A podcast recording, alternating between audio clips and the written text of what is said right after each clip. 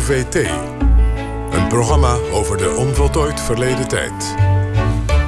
Ja, de Hof van Ede. Columbus meende die gevonden te hebben en zo ook Amerigo Vespucci. De zoektocht naar de tuin der lusten van Adam en Eva hield de mensheid generaties lang bezig. En onderzoeker en publicist Tom Buitendorp ging op drie continenten op zoek naar overblijfselen daarvan en schreef het boek Het ware paradijs daarover. Uh, Tom, welkom. Ja, dan. Uh, uh, ja, jij, dus, jij bent ook rond gaan reizen. ja, ja. Uh, maar op, op, zoek naar heel iets anders. Uh, dat paradijs wat jij zocht, over welk paradijs hebben we het dan? Hebben we het dan over het christelijke paradijs? We hebben het over het paradijs uit de drie Abrahamistische religies... dus het jodendom, christendom en de islam. dus voor de helft van de wereldbevolking een, een heilige tekst. En wat ik heb geprobeerd is om op reis te gaan... en, en ben ook geholpen om af en toe mijn westerse bril af te zetten... En heb ook geprobeerd om het vanuit een heel andere perspectief te bekijken. Een soort historisch perspectief. Ja, dus even los van de religie. Ja, ga door, sorry. En, en, en, en ben ik als kijker zou het kunnen zijn dat er ook een, een, een historische kern in zit. Ja, we en tot een dus- verbazing leek dat inderdaad zo te zijn. Ja, we hebben het dus over de Hof van Ede. En je zegt, er zit een historische kern in de Hof ja, van zou Ede. Kunnen. Ik moet het, vertel, want dat hadden we, zo, hadden we nog, zo is er heel lang naar gekeken. Klopt, en toen dachten we het allemaal een fabeltje. En nu zeg jij, het is niet een fabeltje misschien, het is meer dan dat. Precies, precies. En, uh, en er is altijd gekeken vanuit de religieuze bril. En dan kijk je en van de westerse bril. Dus het, het paradijs zou in het oosten liggen. En dan vanuit het westen dan kom je, kwamen ze eerst in Azië uit. En later zijn ze in de omgeving van Irak uh, gaan kijken. Want er moest toch in ieder geval ten oosten van Jeruzalem liggen. Ik ben teruggegaan naar de wetenschap. En vanuit de wetenschap weten we intussen dat uh, de mensheid, de moderne mens, is in Oost-Afrika begonnen. En als je dan continent Afrika neemt en, en kijkt van wat is het oosten van dat continent, dat is Oost-Afrika. Dus dat was het begin dat ik dacht van... hé, hey, dat is grappig, het paradijsverhaal vertelt... het begon in het oosten. En inderdaad, de mensheid is in het oosten begonnen, van Afrika. Vervolgens weten we vanuit de wetenschap dat de mens zich heel vroeg heeft afgesplitst... een groep en richting Azië is gegaan en is geëindigd in uh, Australië.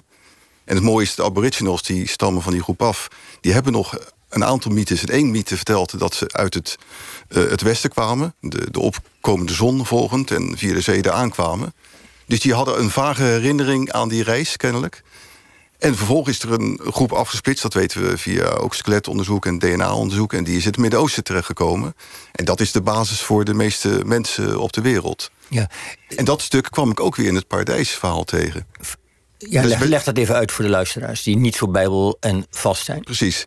Uh, wat het verhaal vertelt is eigenlijk een hele simpele term... en dat zou best een mondelinge traditie geweest kunnen zijn... van we zijn in het oosten begonnen. En dan lees ik nu het oosten van Afrika. Daar heeft zich uh, na een ruzie een groep afgesplitst.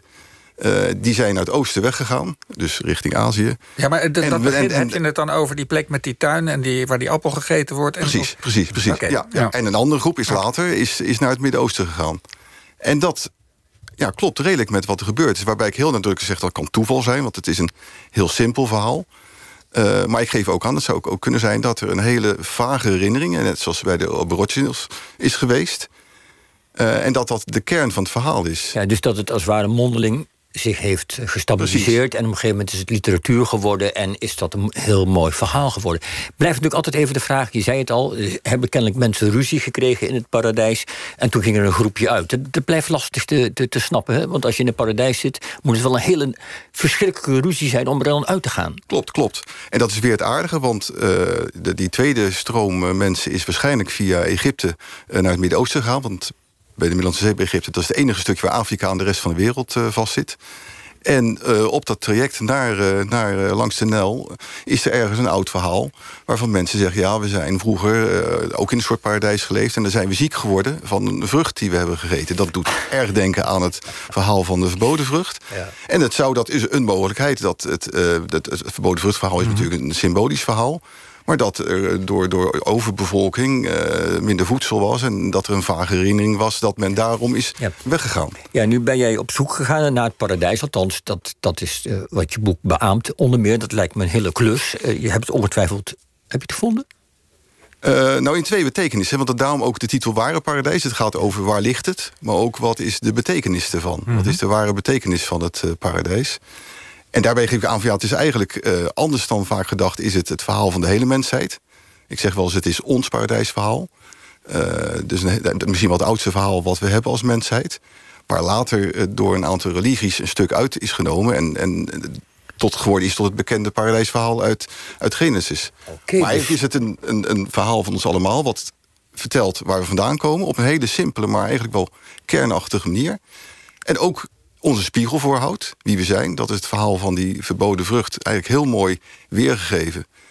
Uh, omdat dat laat zien dat we als mensheid uh, zekere zwakte hebben. En je kunt nu ook vertalen, als je kijkt naar het begin van de uitzending... het verhaal van de, van, ja, de, de wereld die uh, dreigt ten onder te gaan, zeg maar. Ja, je kunt zeggen dat is ook het paradijsverhaal. Want die vrucht van toen, dat is nu de aarde, de ronde aarde. En wij als mensheid zijn die aarde aan het opeten.